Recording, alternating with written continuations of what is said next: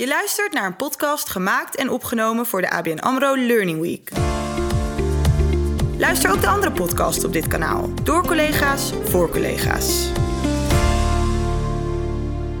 Nou, mijn naam is uh, Nienke Bosma en vandaag interview ik uh, Klaas Ariaans en Nathalie Hazenberg.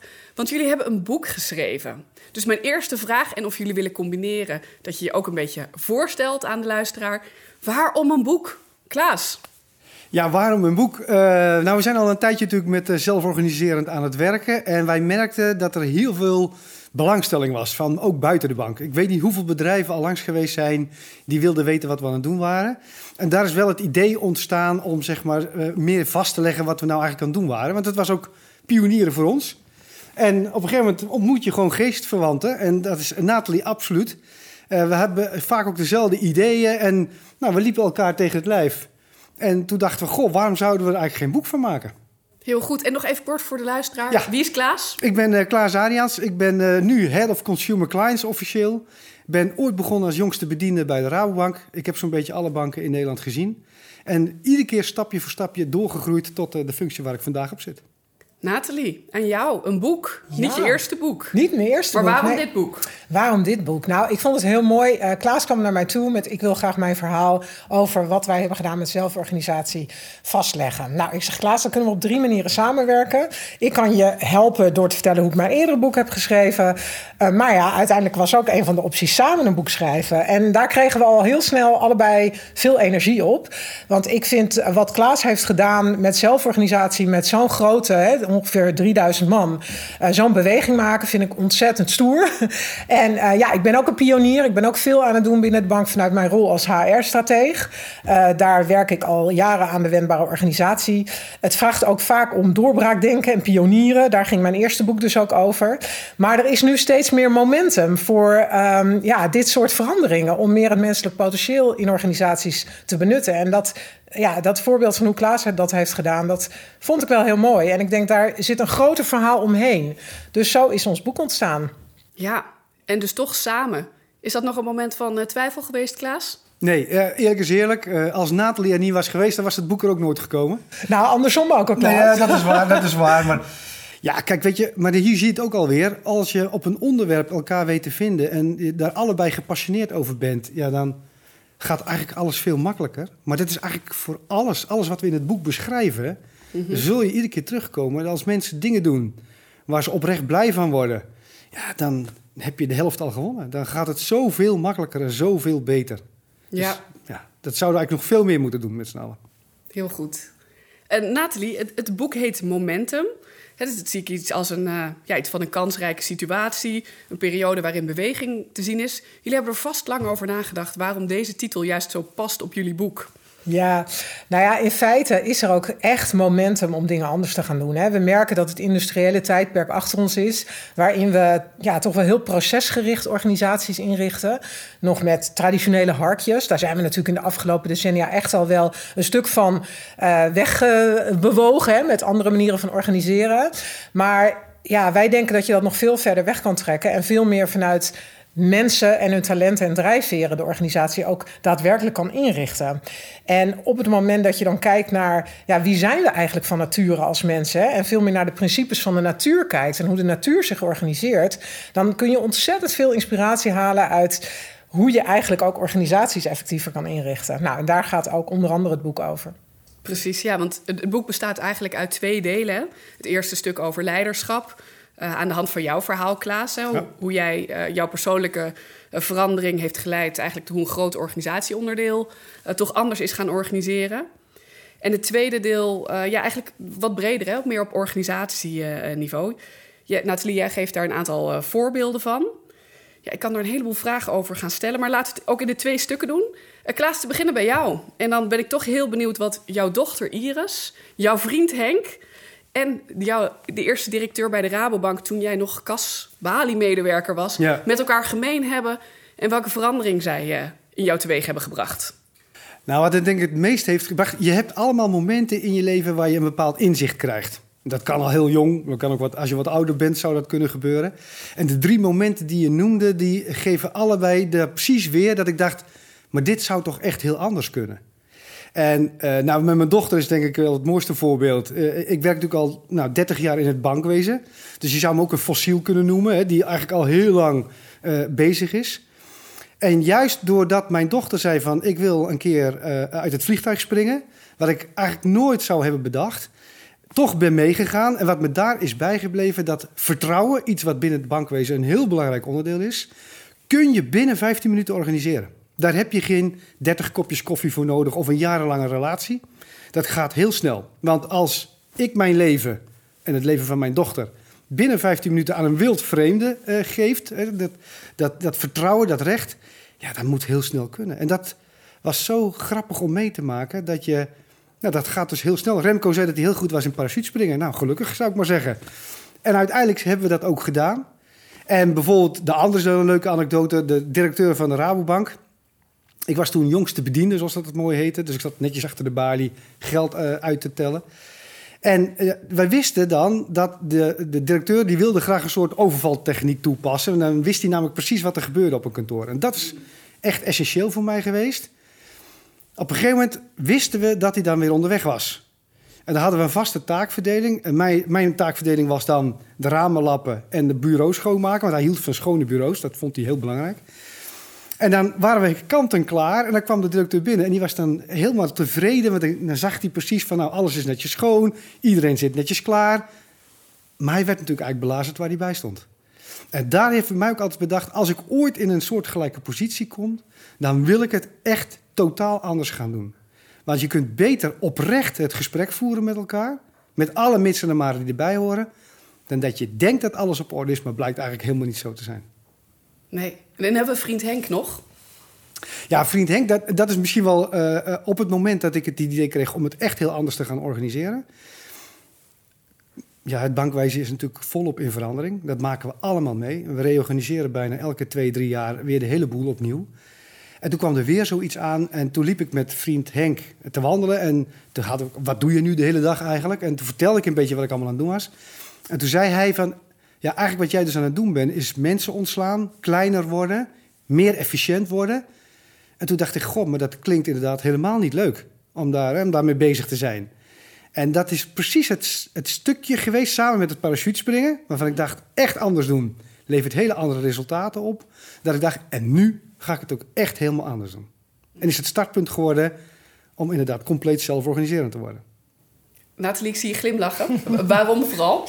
Nou, wat ik daar zo mooi aan vind, is dat uh, het gaat ook echt over een droom die je hebt. En wij introduceren in het boek ook de leider als dromer. En ja, dat gaat echt over je, je voelt en je weet dat het anders moet. Maar ga er maar aan staan. Weet je, dat vraagt ook heel veel lef. Heel veel mensen gaan toch wel gewoon mee met de status quo. En ja, als je, de, je zou kunnen zeggen, een dromer is iemand die niet een doener is. Maar wij introduceren echt wel een paradigma shift als het gaat om leiderschap. Uh, los van het feit dat we de leider als dromer introduceren, die echt ongeacht positie uh, zijn droom na gaat jagen. En dus in, niet anders kan dan in actie komen. Het heeft ook echt te maken met dat je dat heel diep van binnen voelt. Het innerlijk kompas uh, hebben we ook daar als onderwerp ingebracht. En er zit ook een mooie oefening in hoe je dat voor jezelf kan aanspreken aansterken, dat innerlijk kompas.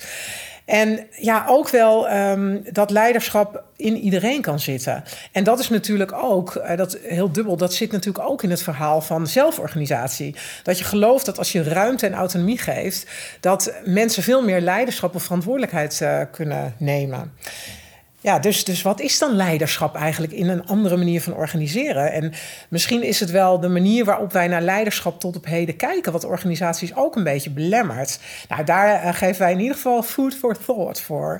En ja, god, daar heb ik zelf ook heel veel passie voor, want ik vanuit mijn HR-rol. Uh, kijk heel erg naar de mens en zijn talenten en drijfveren.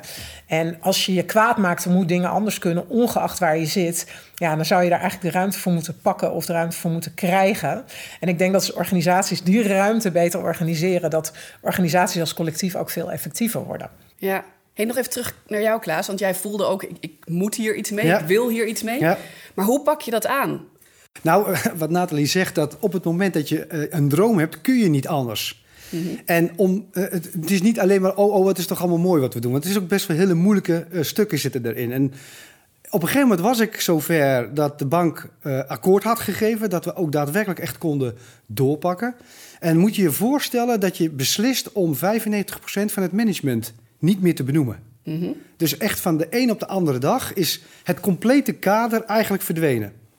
En ik kan me nog herinneren dat ik twee dagen voordat het zover zou zijn, allemaal appjes kreeg van iedereen van, nou, uh, nu of nooit, D-Day, erop of eronder, dood of de gladiolen. Dat, alles komt maar ik voorbij. Daar werd ik eigenlijk nog nerveuzer van dan dat ik eigenlijk al was op dat moment.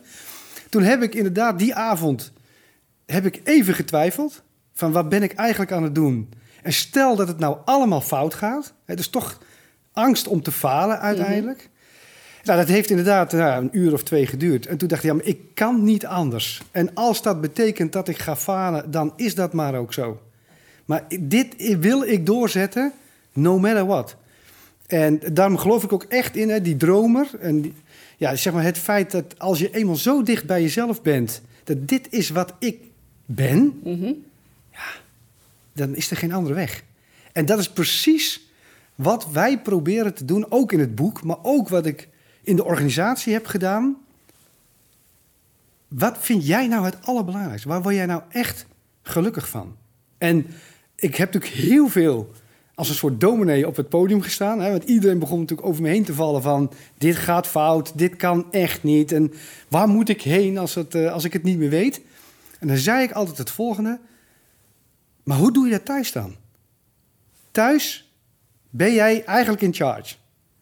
En in dit land mag je alles doen wat God verboden heeft, zolang je maar niet de wet overtreedt. Dat vinden we eigenlijk normaal. En kom je binnen de bank in dit geval, dan moet alles voorgeschreven worden en moeten mensen jou allemaal wijzen op wat je wel en niet zou moeten doen. Ja, ik vind dat zo gek eigenlijk. Dat ik ook tegen iedereen zei, maar thuis beslis jij ook allerlei zaken. En als jouw zoon of dochter dingen doet die niet door de beugel kunnen, dan heb je een keuze. Dan kun je er wat van zeggen. Je kunt het laten belopen. Je kunt hem straffen of niet, whatever. Je maakt een keuze en je probeert iets om het goed te doen. Nou, dat is het enige wat ik van jou vraag, ook op je werk. Ja. En hoe zag die uh, verandering eruit? 3.500 mensen. Ja. Je zei net 95% van het management. Ja. Van de ene dag op de andere dag uh, exit. Ja. Nou, hadden we daar natuurlijk wel over nagedacht. Hè? Mensen moeten niet het gevoel hebben van... nou, we kregen een brainwave en we gingen zomaar even wat anders doen met z'n allen. Um, en ook dit is weer zo leuk. Het is ook een soort ja, paradigm shift weer opnieuw. Wat je ziet binnen onze organisatie is dat als mensen een bepaalde leeftijd bereiken of heel veel ervaring hebben, dan wordt dat als je niet oppast een beetje negatief uitgelegd. Hè? Want je moet toch elke twee jaar een nieuwe baan. Dat is goed voor je ontwikkeling. Dat is ook op zich wel waar. Maar de andere kant is ook waar. Als mijn mannen en vrouwen nu al tien jaar lang een prima job doen, waarom zouden ze dat om in het elfde jaar dan totaal anders gaan doen? Omdat er wel of geen leiding boven zit. En dat bleek ook precies zo te werken. Dat is namelijk dat mensen, zeg maar gewoon, die bleven klanten helpen. En die bleven gewoon precies doen waar ze eigenlijk voor ingehuurd waren. En wat wij hebben moeten leren vanuit het management, of de leiders zou ik dan maar even moeten zeggen, is afkomen van je gedachte dat het altijd wel negatief zal uitpakken. Wij hebben meerdere keren heb ik excuses moeten aanbieden, omdat we toch in de val trapten van, ja, maar ze zullen er eigenlijk wel misbruik van gaan maken. Of ze, gewoon best menselijk, maar het is gewoon niet waar. Daarom durf ik nu na bijna vier jaar ook echt te zeggen dat tot op de dag van vandaag ik eigenlijk nooit echt teleurgesteld ben geweest. Mensen doen de goede dingen. En natuurlijk, je hebt er altijd mensen tussen zitten die er misbruik van maken, maar die had ik in de oude situatie ook. En dan zie je dus dat op het moment dat je echt vertrouwen geeft, en we schrijven het vaak op en er hangen altijd mooie posters overal. Maar ik weet één ding zeker, en ook ik, ik heb daaraan moeten wennen. Dat is echt loslaten, ja, dan moet je wel een beetje lef hebben. En dat is best eng. En dat zie ik tot op de dag van vandaag bij heel veel managers terugkomen.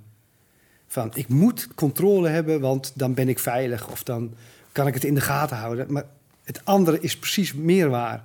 Geef ruimte en je zal eigenlijk nooit teleurgesteld worden. Ja. En Nathalie, jij hebt de reis van, uh, van Klaas eigenlijk van, nou, van het begin vanaf het idee ook gevolgd. Uh, wat, is, wat is nog iets wat jij er graag uit wil lichten? Nou, wat ik wel mooi vind, is dat ik zelf ook uh, vanuit mijn HR-rol, helemaal in de begintijd, ben begonnen met een van de eerste experimenten binnen de organisatie met met zelforganisatie. Uh, gewoon omdat ik een blog had geschreven, omdat ik dacht, volgens mij wordt er daar eens tijd voor om anders te gaan organiseren. En toen kwam er een manager op mij af die zei: uh, Nou, mijn team wil, wil geen manager meer. En hoe ga ik dat doen? En zo heb ik dat team begeleid. En zo kwam, ik, kwam Klaas eigenlijk ook op mijn pad. van joh, ik wil dit met 3000 man doen. Nou, daar had ik even geen capaciteit voor op dat moment. Maar ik heb het dus wel vanaf het begin ge gevolgd. En we hebben vaak interessante discussies gehad over: doe je dat nou top-down in één keer? Of doe je dat veel organischer door hè, als lerende organisatie in teams, uh, teams goed te coachen om dat zelf te kunnen? En ik denk uh, wat Klaas heeft gedaan is een mooie combinatie daarvan. Dus uh, ja, top-down duidelijk aangeven, we gaan deze beweging maken en er is geen weg terug. Maar wel de goede support neerzetten, zodat het geleerd kan worden. En wat ik met name ook heel belangrijk vind daarin, en wat het lerende onderschrijft, onderschrijft is dat hij ook uh, de wetenschap erbij heeft gehaald. Hè? Dus uh, de VU heeft onderzoek gedaan bij de hele beweging naar zelforganisatie. Waardoor je en zelf continu blijft leren en ook onafhankelijke data daarbij uh, gebruikt. Maar je, andere organisaties kunnen daar ook weer van leren. Nou, dat onderzoek hebben we natuurlijk ook belicht in ons boek. Maar ja, die, die squeeze eigenlijk, of dat dilemma van... ga je het nou op de oude manier top-down doen... of ga je uh, als meer volgens de principes van de natuur doen. En ik denk dat, gezien we nu in een tijd van transitie zitten, het nog niet helemaal op de ideale, tussen aanhalingstekens, manier kan. Uh, omdat er ook misschien wel uh, dan nog meer momentum gepakt wordt. Als je ook de kracht van die hiërarchie gebruikt, die er gewoon nu wel is in organisaties. Ja. En Klaas, kan jij er nog iets uitlichten wat jij geleerd hebt? Wat je echt is bijgebleven van die reis? Ja, je, zeg maar, je overtuigingen ook loslaten is soms ook zo ingewikkeld. Ik kan me ook één ding nog heel erg goed herinneren. Dat wij hadden helemaal bedacht in het begin dat we multidisciplinaire teams zouden introduceren. Nou, mooier dan dat kan bijna niet. Hè? Je Want, hebt, wat is... Nou, een multidisciplinair team was eigenlijk het idee. Je hebt dan een klant en verschillende perspectieven uh, kun je op die klant loslaten. Dus uh, kijk maar even naar bijvoorbeeld uh, expertise. dus als je bijvoorbeeld met een hypotheek of iets met wonen of met lenen of nou, misschien wel financial planning, je kunt ze gek niet bedenken. Dus die zet je allemaal om die klant heen, perfect geregeld. Nou, eigenlijk al na ongeveer een paar maanden begon het, begon het probleem eigenlijk al te ontstaan. Dat mensen dat ingewikkeld vonden, dat ze het moeilijk vonden omdat ze elkaars business niet goed begrepen. En dan moet je nagaan, ik heb dat toch zeker ruim nog een jaar tegengehouden. Ik wilde er gewoon niet aan dat dit misschien niet de beste manier zou zijn. Tot het moment dat de organisatie dermate duidelijk maakte van, maar dit werkt gewoon niet, dit willen wij ook echt helemaal anders. Dat uiteindelijk we inderdaad omgegaan zijn. Dus we hebben het multidisciplinaire losgelaten en we zijn naar skill-based toegegaan. Dus echt expertise per onderdeel. Binnen een weekend. Het hele land met 3000 man om de beste verandering aller tijden. Dus je ziet dat op het moment dat mensen dat gevoel hebben van dit kan gewoon veel beter. En er wordt ook nog geluisterd naar me, dat is ook niet onbelangrijk. Ja, ik hoefde er eigenlijk helemaal niks aan te doen. Het enige wat ik moest doen... Het loslaten. Juist.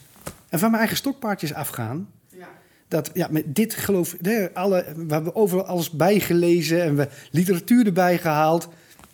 Gewoon luisteren naar wat je mensen teruggeven. En dan ook niet bang zijn om dan die stap maar te maken. Nee, nou, mooi voorbeeld.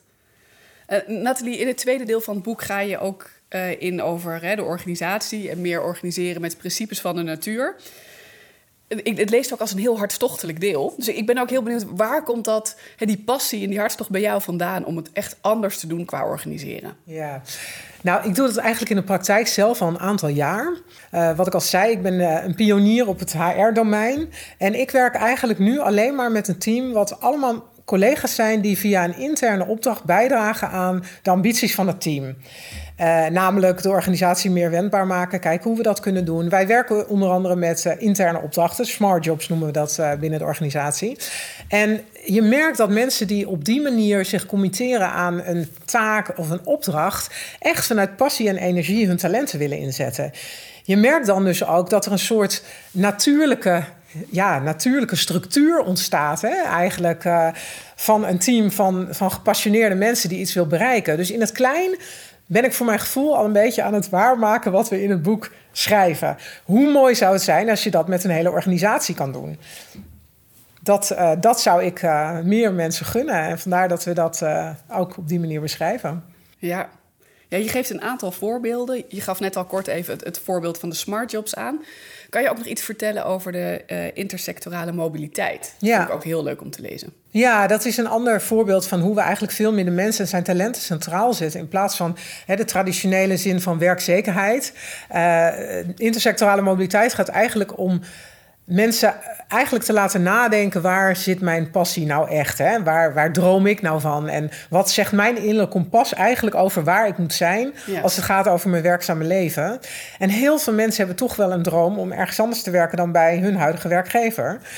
Uh, ik heb altijd al voor de klas willen staan, bijvoorbeeld. Of ik heb altijd al iets in de zorg willen doen. Ik droomde vroeger van. Hè? Mm -hmm. Nou, die dromer, neem leiderschap over je droom. Dat proberen wij ook vooral te onderzoeken hoe je dat meer kan doen. En wat belemmert dan eigenlijk? Dat zijn toch vaak wel de traditionele manieren van denken, de structuren. Dus wij kijken veel meer naar het ecosysteem van de arbeidsmarkt met die initiatieven.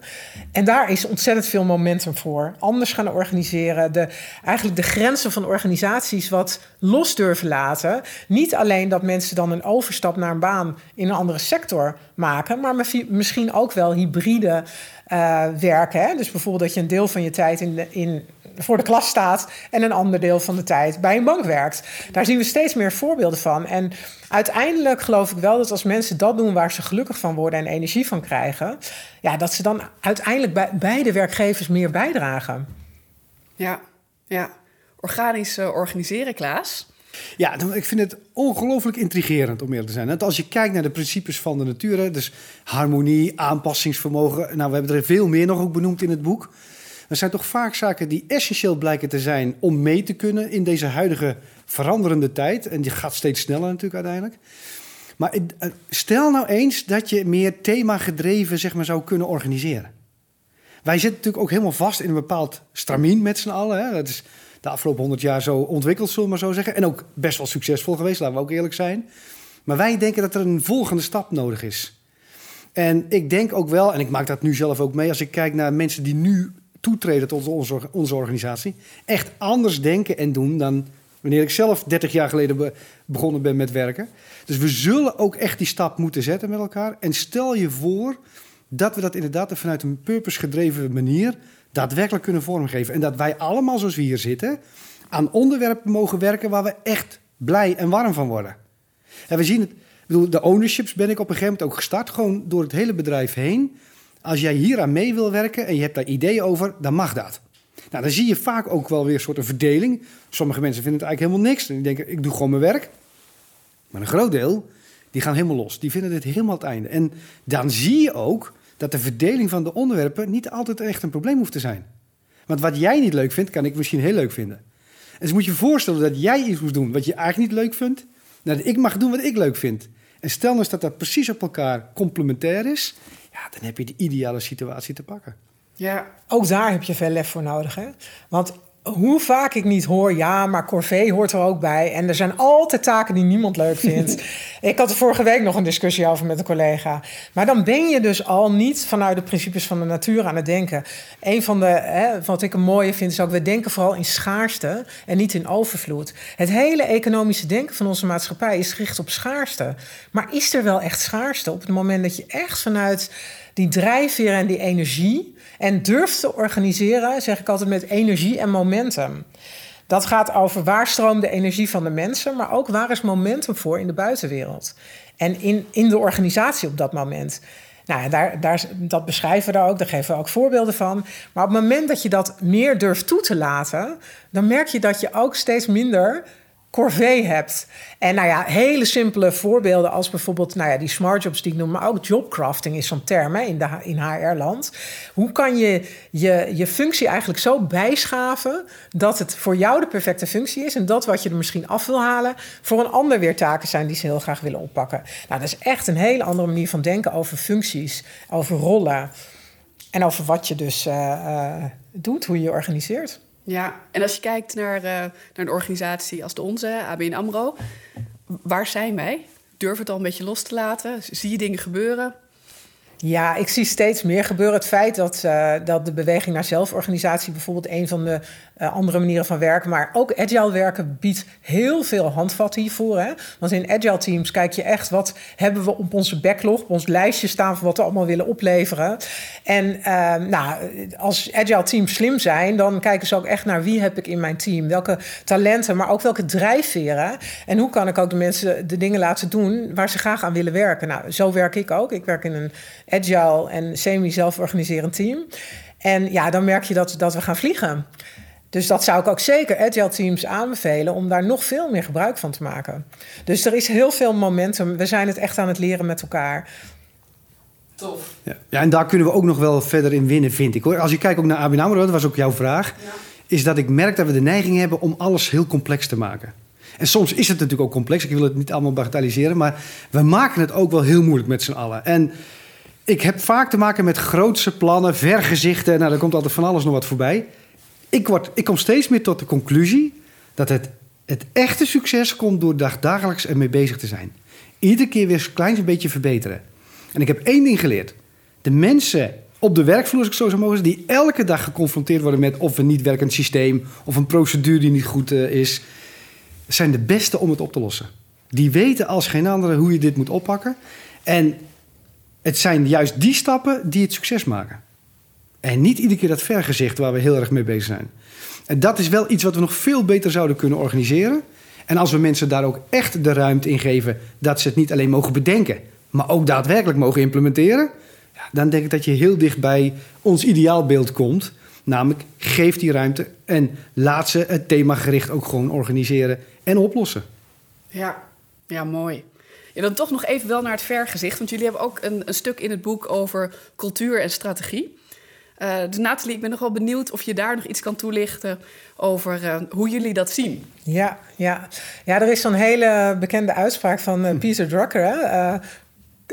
Culture eats strategy for breakfast. Nou, wij steken een beetje de draak met die uitspraak. Wij zeggen: What if culture feeds strategy? Dus wat als de cultuur echt voedend is aan de strategie? En if culture feeds strategy, no structure is needed. Dus als dat echt een voedende cultuur is en je creëert die omstandigheden, dan heb je, heb je geen structuur nodig. Dat is een beetje natuurlijk hè, uitdagend gesteld, maar dan heb je veel minder structuur nodig. Hoef je veel minder te controleren. En dan ga je ook van schijncontrole, wat je in veel organisaties nog ziet, naar echte controle. Dus dat uh, over die strategie en cultuur. En als het gaat om het vergezicht, vind ik het nog wel mooi om, hè, wat, wat Klaas net ook zei, over het gaat om wat je dagelijks doet en niet zo over die vergezichten. Uh, wat, wat daarin belangrijk is, is dat je niet verliefd wordt op je oplossing, maar verliefd blijft op het probleem of de uitdaging die je ziet. Hè? Wil je het hartstikke goed doen voor je klanten en blijft dat gewoon je stip op de horizon, ga dan dagelijks kijken wat je kan doen om daar naartoe te bewegen. En hoe die stip op de horizon er precies uitziet, dat ga je dan met elkaar ontdekken. Nou, en dat is denk ik het vergezicht wat, wat meer de droom is. Hè? De leider als dromer voelt aan zijn innerlijke kompas welke kant hij op wil bewegen. En vanuit dat innerlijke kompas dicht bij jezelf blijven, eerlijk aan jezelf zijn, maak je iedere dag de keuzes die je uiteindelijk daar naartoe brengen. Ja, mooi gezegd. Ja, cultuur, hè, dat is natuurlijk een heel moeilijk fenomeen. Hè? Ik bedoel, we proberen het altijd te definiëren, maar het is hoe wij werken eigenlijk met elkaar. En wat je natuurlijk toch, toch iedere keer ziet, is dat, dat het vanzelf ontstaat. Als mensen, kijk, eerst moeten mensen een soort, soort bewijs krijgen: het is oké dat we het op deze manier nu nieuw doen met z'n allen. En als ze daar nou eenmaal het gevoel hebben, dan zie je zien dat die, die cultuur ook daadwerkelijk aan het veranderen is. Wat doen wij dan? En heb ik ook gedaan, moet ik eerlijk zeggen. Ik heb dus inderdaad een universiteit onderzoek laten doen, omdat je ook toch wel soort wil bewijzen dat ook die beweging daadwerkelijk gaande is.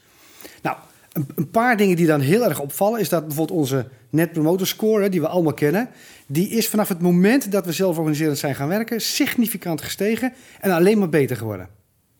En je ziet dus ook dat, dat als mensen dat gevoel hebben van ik kan er zelf aan werken, dat het heel snel gaat uh, uiteindelijk. Daarnaast zien we natuurlijk ook nog dat bepaalde resultaten gewoon echt, echt heel goed zijn. Dat, dat, dat ook psychologische veiligheid, rolduidelijkheid, uh, werkstress, allemaal factoren zijn die van invloed zijn op hoe zo'n team dan ook daadwerkelijk uh, functioneert. Maar het allermooiste vind ik, om eerlijk te zijn, is dat er ook kwalitatief onderzoek is gedaan. En dat de meest gehoorde opmerking is: wij willen nooit meer terug naar vroeger. Ja, ik bedoel, als je het dan over cultuur hebt, dan, ik kan het nergens opschrijven, ik kan het eigenlijk niet echt meten, maar het komt wel continu terug. En dat is denk ik de reden waarom we er zo blij van worden om met dit onderwerp bezig te zijn. Ja. Ja, ik doe een schuine blik op de tijd. Ehm, en het gaat al heel erg snel. Ik heb het idee eh, dat ik met jullie nog eh, zes uh, versies op kan nemen. Nou, Nathalie, ik, ik, weet niet wat ongeveer een beetje de, de score moet zijn qua reacties, views of iets om, om de volgende te kunnen maken. Zit jij denk ik beter in. Maar ik, ik zou zeggen, jij zet de standaard. Als we die halen, doen we gewoon lekker nog een uh, sessie.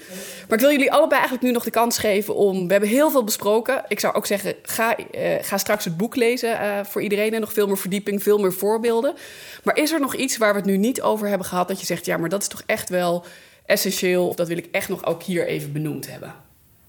Volg je hart, zou ik zeggen. Ga, ga doen, ook, ook in je werk, waar jij passie voor hebt en waar je van voelt. Uh, dat heb ik hier te doen. Of dat, daar zou ik graag mee bezig zijn. En ga niet vanuit angst en vanuit uh, ja, wat je denkt dat anderen van je verwachten uh, je werk doen. Op het moment dat iedereen dat gaat doen, dan creëren we ook met elkaar een veel mooiere maatschappij. En ben je er nog niet uit hoe je dat kan ontdekken? ga dan de oefening Het Innerlijk Kompas, ontwikkel het Innerlijk Kompas uit het boek raadplegen. Heel goed.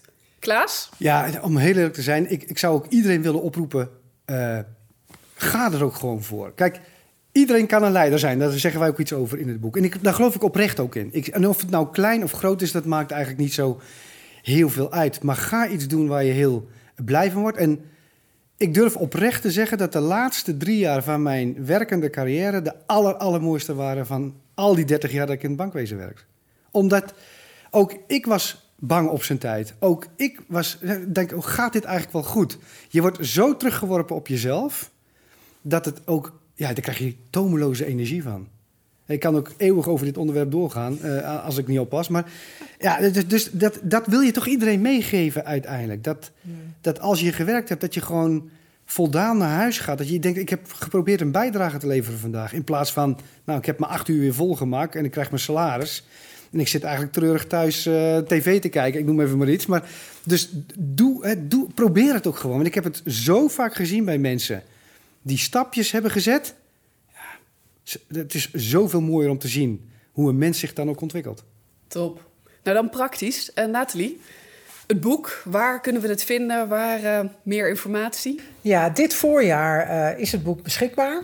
En op onze website www.momentumboek.nl. Dat is sowieso de landingspagina. En dan kom je er altijd. En sowieso is het via de, alle kanalen is het, te bestellen. Uh, en, en, Nathalie, ik ben nu ook gewoon wel benieuwd waar je nu mee bezig bent. Wat is je volgende droom, je huidige project of je volgende project? Ja, dat is natuurlijk aan de ene kant een beetje een gewetensvraag. Want ik volg natuurlijk mijn innerlijk kompas en ik heb het nog niet helemaal dichtgetimmerd. Maar er ligt nog een roman op de plank. Dus wie weet, hè, ik heb nu een aantal managementboeken geschreven. Wie weet komt er ooit een keer een roman uit. Ha, maar blijft er nog even een droom. Heel goed. En Klaas, heeft Iris alweer iets voorgesteld, uh, je dochter, om uh, te gaan doen? Ja, maar... Ja, toevallig wel. Ja. We hebben het er was over gehad. En, maar het hoeft ook, ook altijd niet heel gek te zijn. De twee dingen die we nu hebben bedacht met z'n tweeën... is de Vierdaagse in Nijmegen een keer lopen met z'n tweetjes. En de andere is, we zijn allebei gek op schaatsen. En we hebben al een keer een molentocht gereden met z'n tweetjes, al heel lang geleden. En dus we willen nog een keer naar de Wijzenzee. En we zijn helemaal niet zo goed in schaatsen. Maar gewoon al is maar één rondje. Uh, als je dat ziet, die omgeving daar. Dat is echt iets waar wij uh, uh, absoluut de volgende stap in willen zetten. En vanuit bedrijfsmatig oogpunt. Ik vertelde al in het begin van de podcast dat heel veel belangstelling er was voor wat wij hebben gedaan en wat we aan het doen zijn. Dus ik ben met allerlei bedrijven nu ook in gesprek die of al bezig zijn of erover aan het nadenken zijn. En dat we toch een beweging creëren bijna. Dat het hoeft niet altijd alleen maar in een harkje je kunt het ook op een hele andere manier organiseren. En ja, daar zou ik inderdaad uh, heel blij van worden als het ook meer en meer nog toegepast zal uh, worden in heel veel andere bedrijven. Nou, mooi. Dank voor jullie uh, hartstocht en passie op het onderwerp. En ja, voor de luisteraar zou ik vooral zeggen: ga het boek lezen. Want het is echt net zijn niet alleen de vergezichten, visie, ideeën, inspiratie, maar ook, ja, ik vond een heleboel ja, praktische ideeën, down-to-earth ideeën en zeker ook food for thought. Dus Nou, nogmaals, dankjewel Klaas en Nathalie. En succes met jullie uh, volgende droom. Ik ben benieuwd naar het boek. Dankjewel. dankjewel.